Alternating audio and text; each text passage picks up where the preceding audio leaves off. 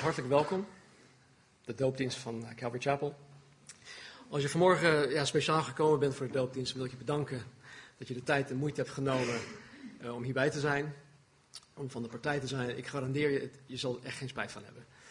Als je hier vanmorgen op uitnodiging bent gekomen, het zij via een persoonlijke uitnodiging, het zij via social media, dan ben je ook jij van, van harte welkom. We zijn echt zoals Evelien al vanmorgen, zijn we echt, gewoon echt blij dat jullie er zijn. Dus uh, nogmaals van harte welkom. Uh, ik ben Stan Marinissen. Ik mag uh, vanmorgen voorgaan in deze dienst. Zoals ik al zei, we hadden in eerste instantie gehoopt op een openluchtdienst. Heerlijk barbecue buiten in het Haarlemmerse bos. Maar ondanks dat het vanmorgen niet regent, is het daar wegens de nasleep eigenlijk van Mysteryland. En het feit dat het de afgelopen dagen geregend heeft, een, ja, nog een beetje nogal modderig aan die kant. En dat wilden we jullie gewoon echt niet aandoen. Dus hebben wij gekozen voor uh, dit droog en warm gebouw. Uh, het dopen van mensen is voor ons als, als kerkgemeenschap altijd uh, heel bijzonder. Want door middel van de waterdoop verklaart men publiekelijk, oftewel, men komt er vooruit. Men komt, even om, om de hedendaagse termen te gebruiken, men komt uit de kast dat hij of zij tot geloof in Jezus Christus is gekomen. En hem wil navolgen en hem wil dienen. Uh, misschien vraag je je af ja, hoe het mogelijk is dat mensen anno 2000 überhaupt nog tot geloof komen in iets of iemand dat volgens de seculiere wereld zo achterhaald lijkt te zijn. En een hele goede vraag. Maar goed, mijn gebed voor jou is dat deze vraag en wellicht andere vragen die je over het christelijk geloof hebt, vanmorgen beantwoord zullen gaan worden.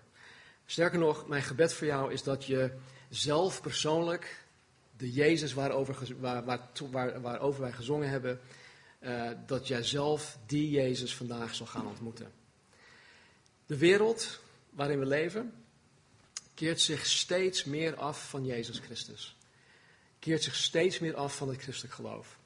De gevestigde kerken vergrijzen, die lopen leeg. Onze overheid en samenleving is van mening dat uh, de Bijbel niet relevant is. De Nederlandse meerderheid heeft God simpelweg niet nodig. Praat maar met elk willekeurig mens. Ze hebben God niet nodig. Ze redden het allemaal zelf wel, zonder enige bemoeienis van een in hun ogen autoritaire God. Nou, volgens een artikel in de Volkskrant dat in eh, april dit jaar gecheckt werd door NRC.nl, slikken 1,1 miljoen Nederlanders antidepressiva. En toch blijft ongelovig Nederland beweren dat zij de God van de Bijbel niet nodig heeft. Wij hebben van de week een aantal advertenties geplaatst op Facebook. En ik vond het, ik vond het triest om de reacties daarop te zien. Er waren een aantal hele oprechte mensen die zeiden van, joh, uh, waarom hou je dit voor jezelf? Deel het met ons. Uh, hadden gewoon oprechte vragen daarover. Met, dit, met, deze mensen werd ook um, gewoon via private messages uh, contact opgenomen. Maar er, er zaten een aantal hele ja, spottende en afwijzende um, uh, replies en, en, en, en, posts op die, uh, van mensen die daarop uh, gereageerd hebben. En dat is, um, ja, enerzijds is, is het schokkend dat zo, zo iemand, of dat mensen op die manier reageren. En het is niet eens zoiets van, nou het is goed voor jullie, maar nee, nee dankjewel. Het was echt, gewoon echt anti. En um, ja, maar goed, dat is de, leven, de, wereld waarin we nu leven. Dus waarom zou iemand ervoor uitkomen dat hij of zij in de Bijbel gelooft? Waarom zou iemand ervoor uitkomen dat hij of zij in een onzichtbare God gelooft? Dat hij of zij in iemand gelooft waarvan de meerderheid van deze maatschappij zegt dat, het, dat, dat een dergelijk geloof gewoon onzin is? Waarom komt iemand daarvoor uit?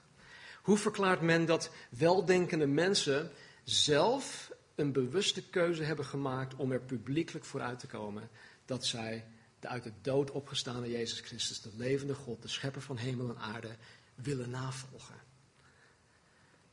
Hoe verklaar je dat de dopelingen zichzelf willen identificeren met iemand die 2000 jaar geleden gekruisigd werd, begraven werd, uit de dood is opgestaan en terug naar de hemel is gegaan? En die op een zekere dag terug zal komen om de kerk op te nemen. Hoe verklaar je dat? Nou, ik, ik, denk dat er maar één verklaring voor mogelijk is.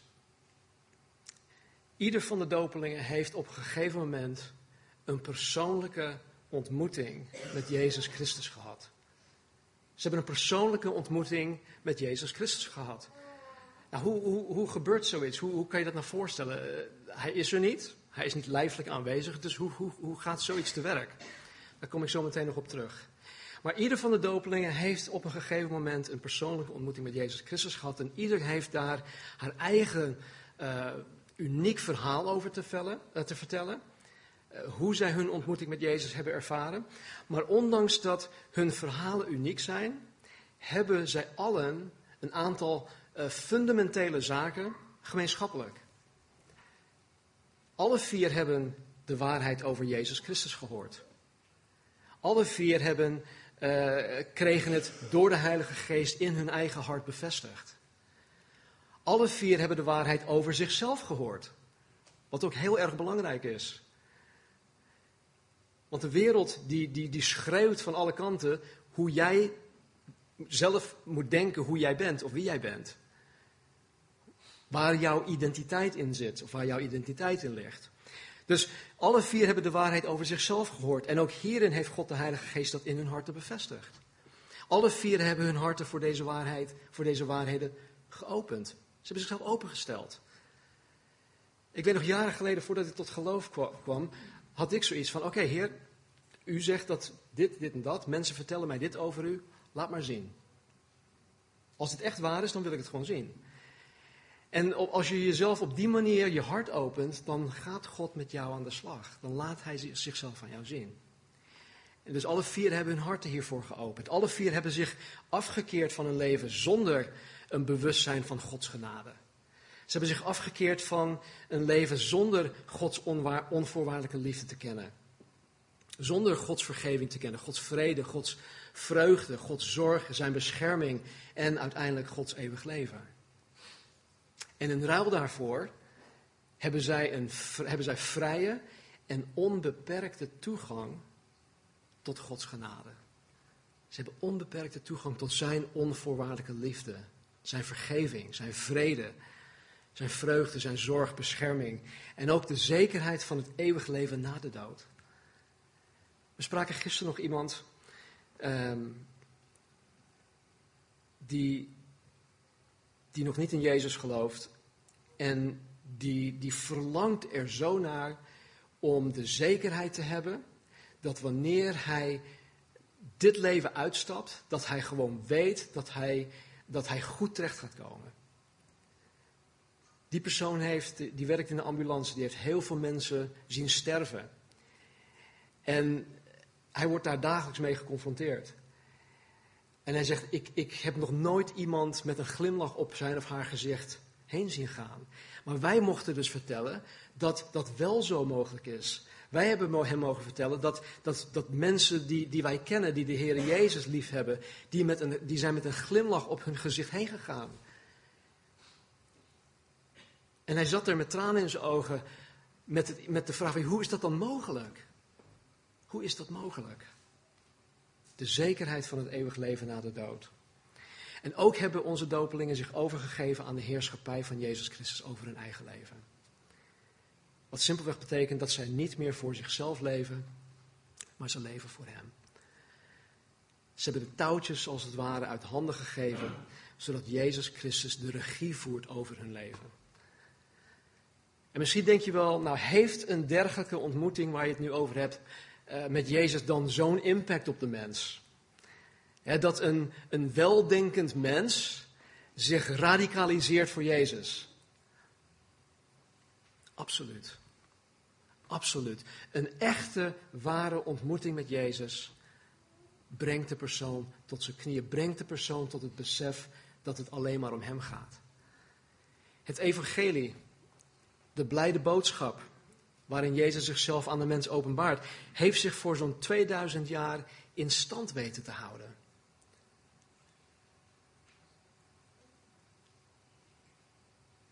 En dit ondanks enorme tegenstand. Ondanks heel veel bedreigingen. Zowel van buiten als ook van binnen.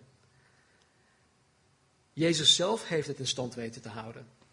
En door de millennia heen heeft Jezus op vele mensen dezelfde impact gehad als op degene die zich vandaag laten dopen.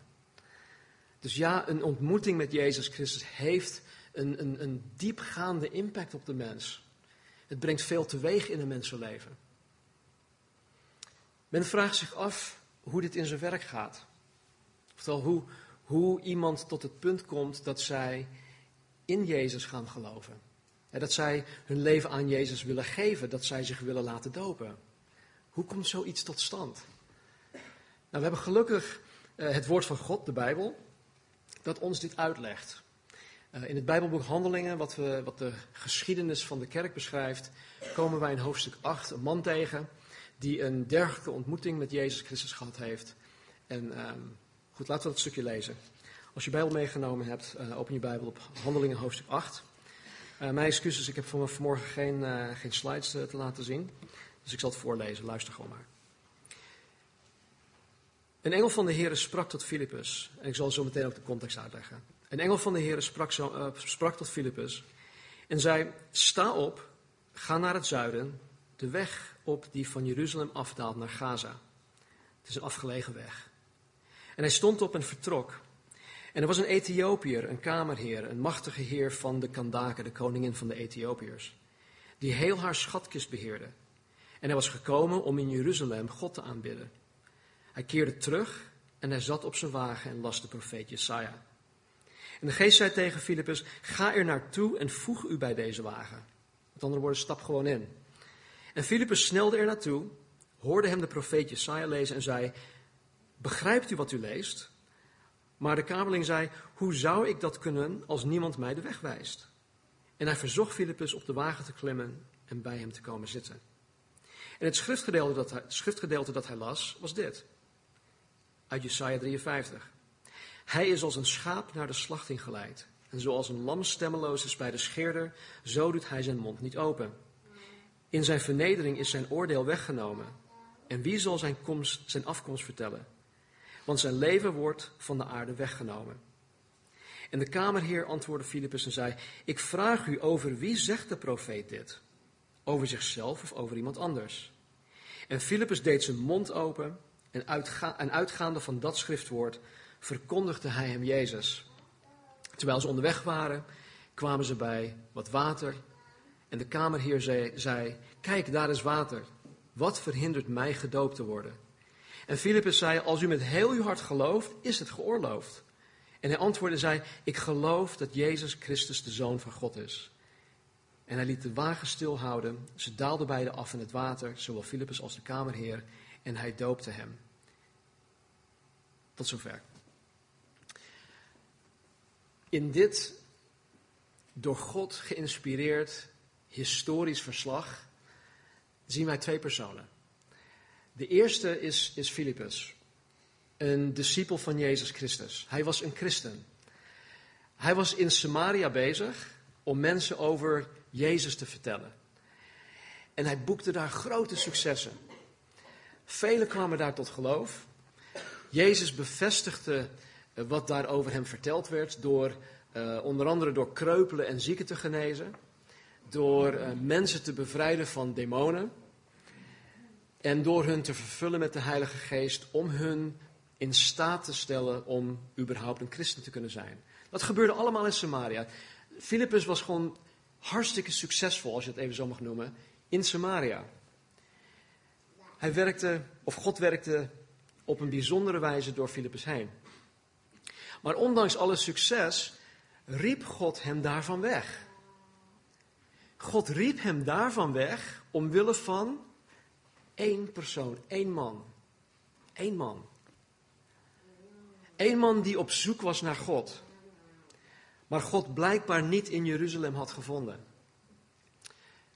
De eerste persoon is deze Filippus. De tweede is een man uit Ethiopië, de minister van Financiën. Hij had blijkbaar het Joods geloof aangenomen.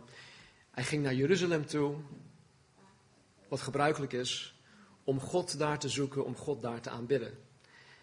Voor hem was het een reis van zo'n 2000 kilometer.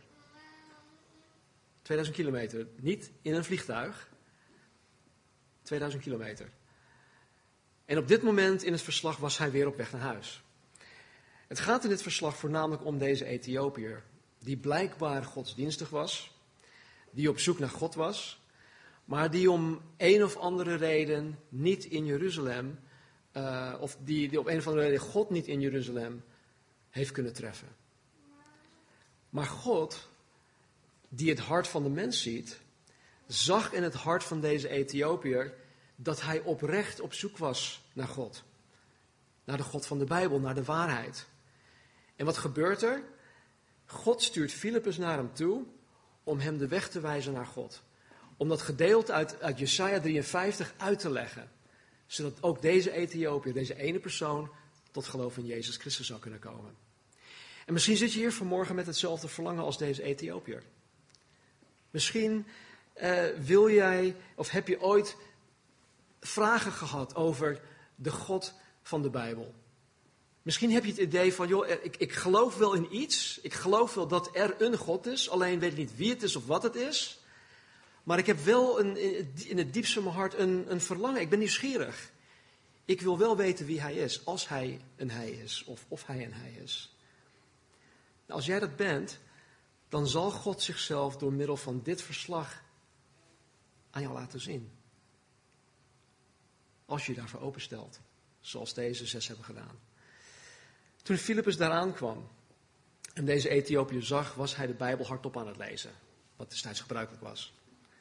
En hij las niet zomaar op een willekeurige plaats in de Bijbel. Nee, hij las dan even toevallig uit het boek Jesaja, waarin veel voorspellingen over Jezus Christus gedaan werden, worden. Trouwens, in het Oude Testament, de eerste 39 boeken van de Bijbel, staan meer dan 100 voorspellingen over Jezus Christus, die reeds voor 100% nauwkeurigheid, met 100% nauwkeurigheid, reeds vervuld zijn. En uh, de voorspelling waarover de Ethiopiër las, werd zo'n 700 jaar voordat Jezus op aarde kwam door de profeet Jesaja vastgelegd. Dus die, die, die Ethiopiër die las een stukje uit Jesaja 53, dat 700 jaar daarvoor geschreven werd. En vanuit dat stuk bracht Filippus het evangelie. Ze hadden het Nieuw Testament niet. Ze waren het Nieuw Testament aan het schrijven. Dus vanuit Jesaja predikte hij het evangelie. En op de vraag van de Ethiopiër over wie de profeet Jesaja het heeft, haakte Filippus in en legde het hele evangelie aan hem uit. Nou, op dit moment, toen Filippus het evangelie aan hem uitlegde, op dit moment kreeg de Ethiopiër zijn persoonlijke ontmoeting met Jezus Christus. Dit was het moment. Dit was het moment dat de Heilige Geest ook in zijn hart bevestigde dat wat um, Filippus aan hem aan het vertellen was, dat dat inderdaad de waarheid is. En weet je wat, als dat jou overkomt, dan kan de hele wereld om je heen zeggen van, jee, maar het is niet waar. Maar dan heb je zo'n overtuiging dat het wel waar is, dat niemand dat van jou af kan pakken. Niemand kan dat van je afpakken. Zelfs de duivel niet, die het dagelijks zal proberen. Dat soort overtuiging heb je dan. Hij had van Filippus de waarheid over Jezus Christus gehoord. En de Heilige Geest liet de Ethiopiër inzien dat Filippus hem inderdaad de waarheid over Jezus vertelde. Hij had ook van Filippus de waarheid over zichzelf gehoord. Namelijk dat zijn diepste nood, zijn diepste nood vergeving van zonde was. Zijn diepste nood verzoening met God was. Dat was zijn diepste nood. En zijn hart stond open voor deze waarheden, waardoor de Heilige Geest zijn werk in deze man kon doen. En het logisch gevolg was dat hij zich in gehoorzaamheid aan het evangelie zich wilde laten dopen. Hier staat in vers 38, sorry, 36 dit. En terwijl ze onderweg waren, kwamen ze bij een water. De kamerheer zei, kijk, daar is water, wat verhindert mij gedoopt te worden? En Filippus zei, als u met heel uw hart gelooft, is het geoorloofd. En hij antwoordde en zei, ik geloof dat Jezus Christus de Zoon is. Hij liet de wagen stilhouden, ze daalden beide af in het water, zowel Filippus als de kamerheer. En hij doopte hem. Wat, um, wat was toen, in dit geval met Filippus en de kamerheer, wat was toen en wat is nu, anno 2017, de voorwaarde om gedoopt te kunnen worden? Filippus zei, indien u gelooft met heel uw hart, is het toegestaan. Geloof, volgens het Centrum voor Bijbelonderzoek, is een kwestie van het hart. Maar wat is het hart? Ik citeer. Het hart is de zetel of de plaats van denken, van willen en voelen. Het innerlijk van de mens. Einde citaat. Dus om te kunnen geloven met heel ons hart, is het noodzakelijk dat wij ons gezond verstand gebruiken. Dat wij uh, het zelf willen. Niemand kan dat bij een andere persoon opleggen. Je moet het zelf willen. Het is noodzakelijk dat, dat je het voelt in het diepst van je wezen. Waar, waar die echte overtuiging plaatsvindt. En dat je het voelt dat het goed is, dat het juist is. En in een hart dat voor God openstaat, zal de Heilige Geest het geloof bevestigen. Hij is degene die het, die het vastlegt, die het, die het opslaat in je hart. Hij is degene die tot je hart zal spreken. Dus wij horen dus met heel ons hart te geloven. Nu de vraag, waarin horen wij te geloven met heel ons hart? Ik zal twee dingen noemen vandaag. Ten eerste dit. De Bijbel leert ons in Romeinen 3, vers 10: Er is niemand rechtvaardig, ook niet één. Er is niemand rechtvaardig, ook niet één. Wat betekent dat? Dat betekent dat niemand goed genoeg is om met God samen om te kunnen gaan. Nou, dat klinkt misschien heel, heel, heel naar, maar ik zal het, ik zal het zo meteen toelichten. Want, even verderop in Romeinen 3, allen hebben gezondigd en missen de heerlijkheid van God. Wat betekent dat? Stel dat de heerlijkheid God een roos is en je krijgt honderd pijlen te schieten. En je begint met de eerste pijl, je schiet hem af, boem. Nou, die gaat perfect in de roos. De tweede ook, derde ook, vierde, tiende, twintigste, dertigste, allemaal perfect in de roos.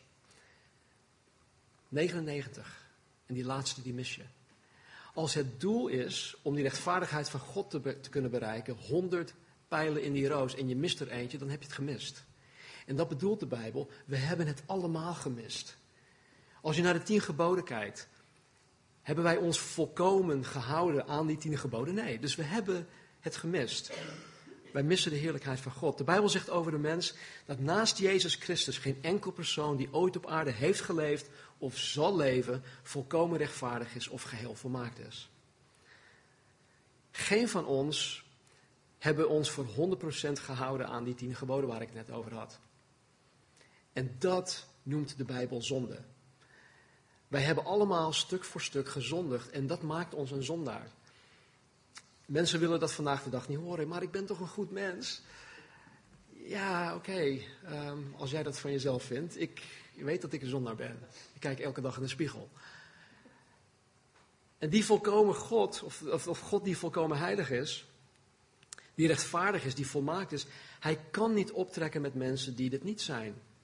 God kan niets te maken hebben met zonde. En dat is het probleem nou. Dat is het probleem. En het is een probleem van de mens. Het is Gods probleem niet.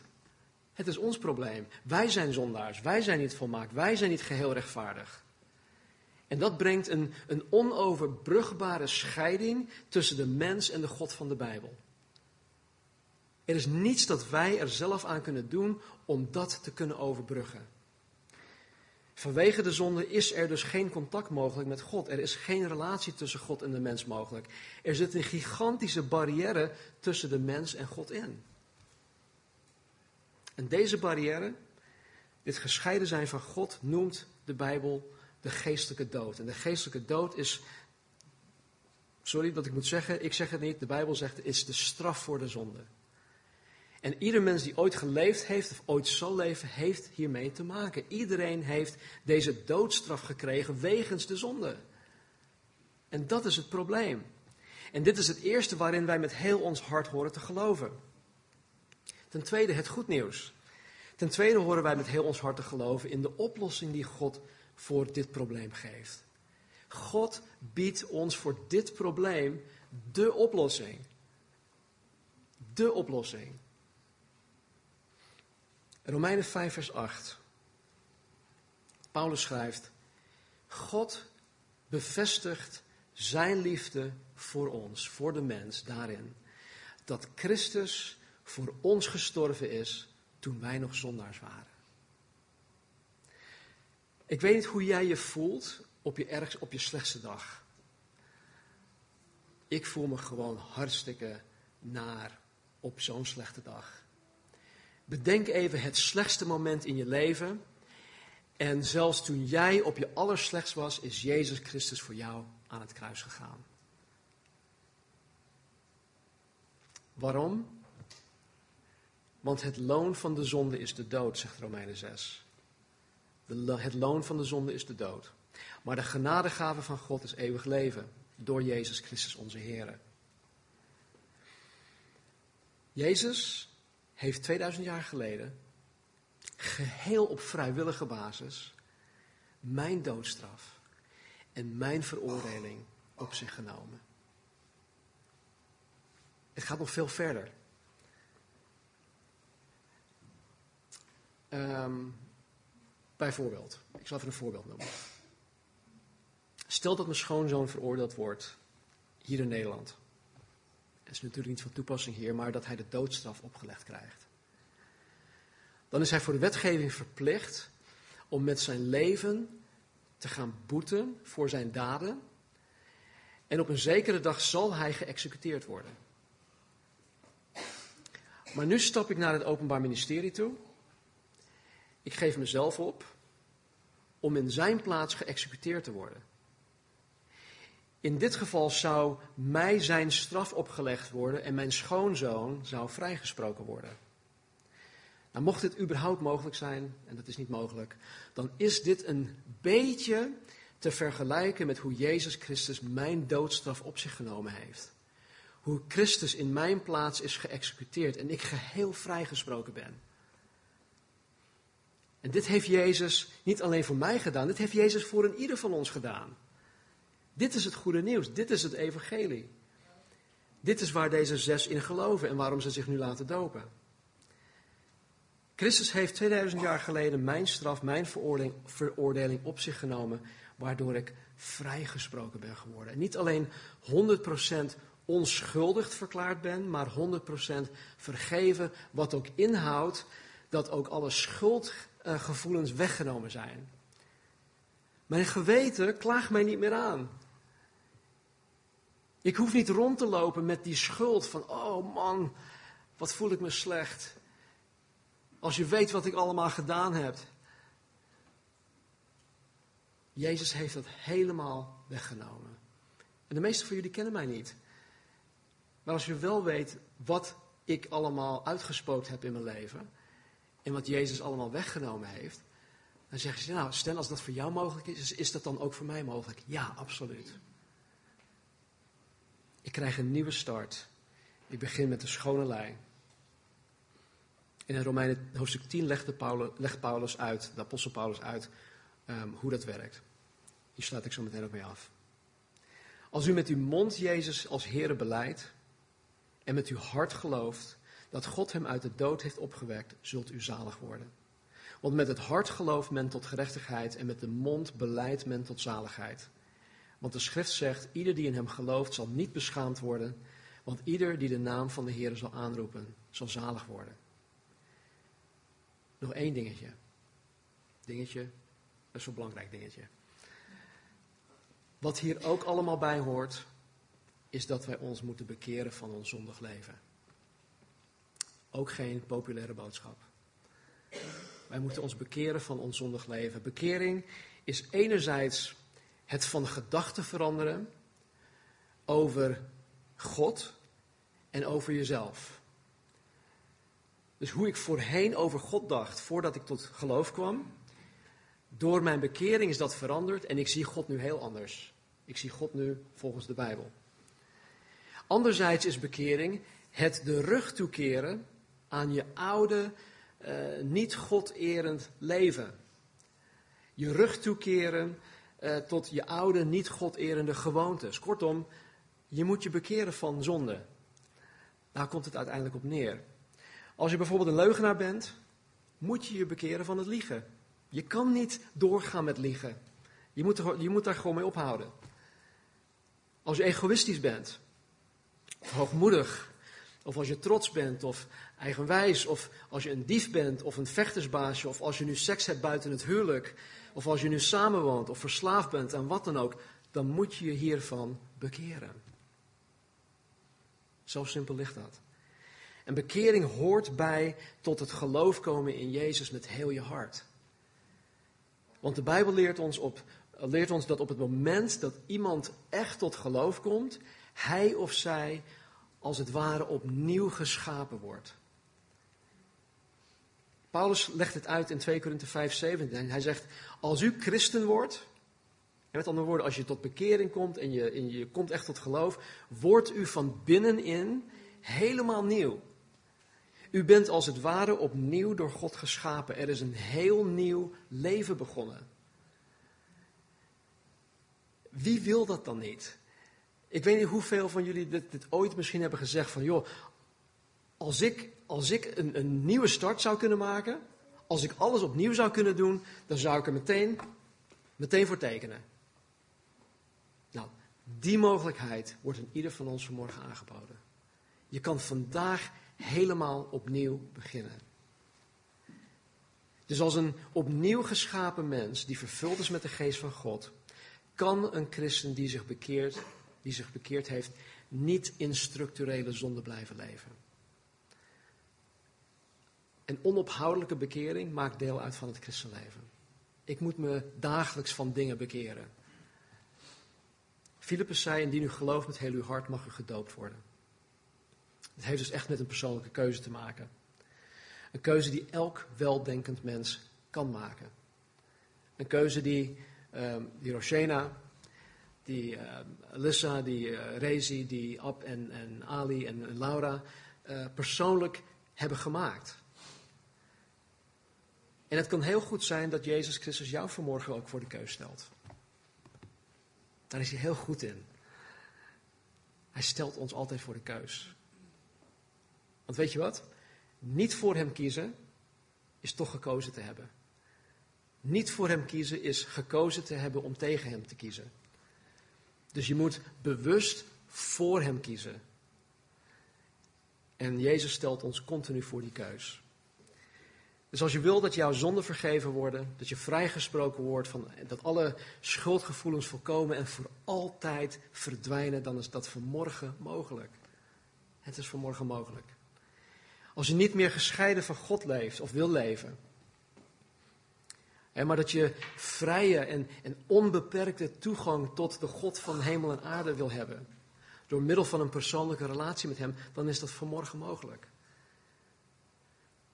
Jezus zegt, kom naar mij toe, allen die vermoeid en belast zijn, en ik zal je rust geven. Je zal rust vinden voor je ziel. Dezelfde Jezus, die zei ook dit. Bekeer u, want het koninkrijk der hemelen is nabijgekomen. Dit waren trouwens de eerste vastgelegde woorden die Jezus Christus in het openbaar tot de mensen sprak. Bekeer u, want het koninkrijk der hemelen is nabijgekomen. Wil je in Christus geloven met heel je hart? Zoals we het vanmorgen met elkaar doorgenomen hebben. Durf je die stap in geloof te zetten?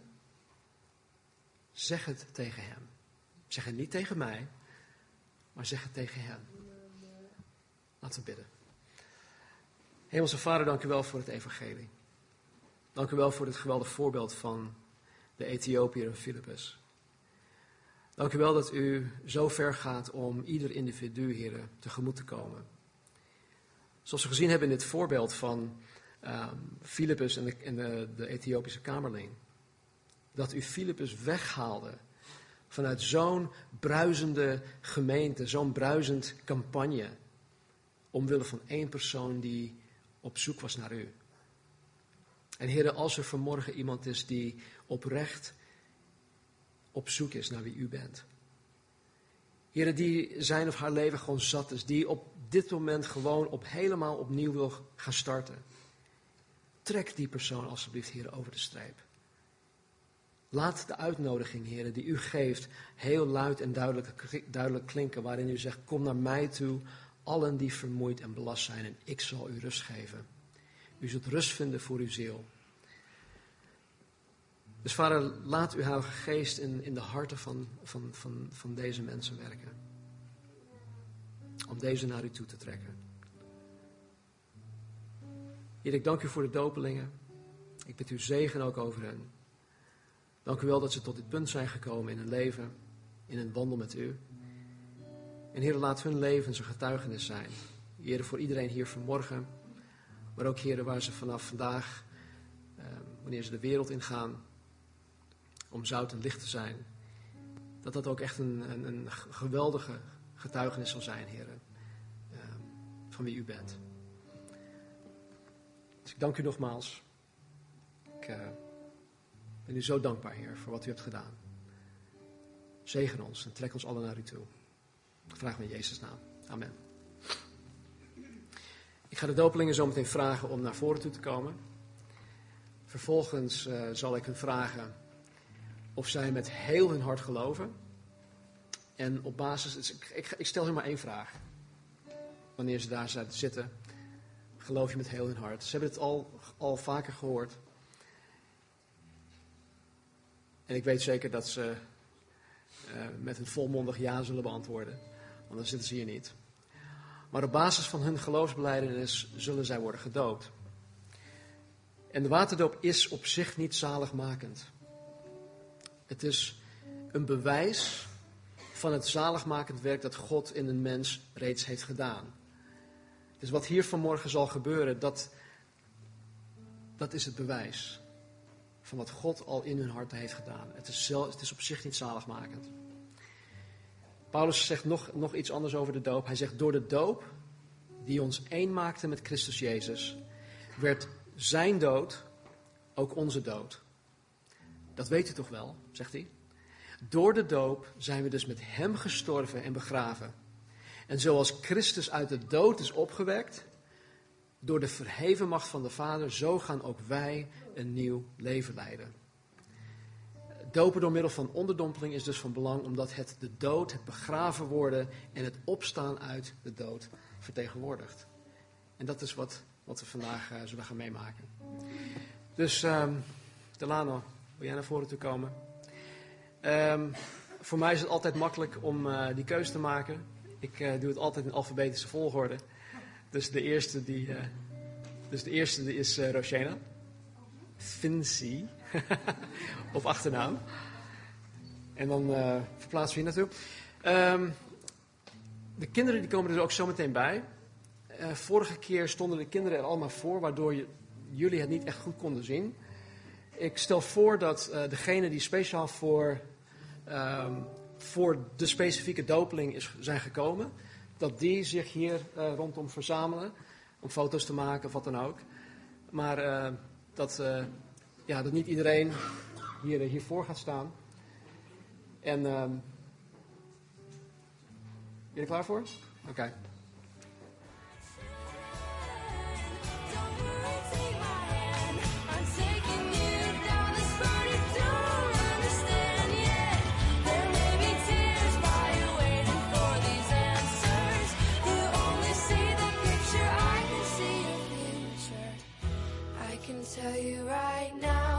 It's gonna be alright.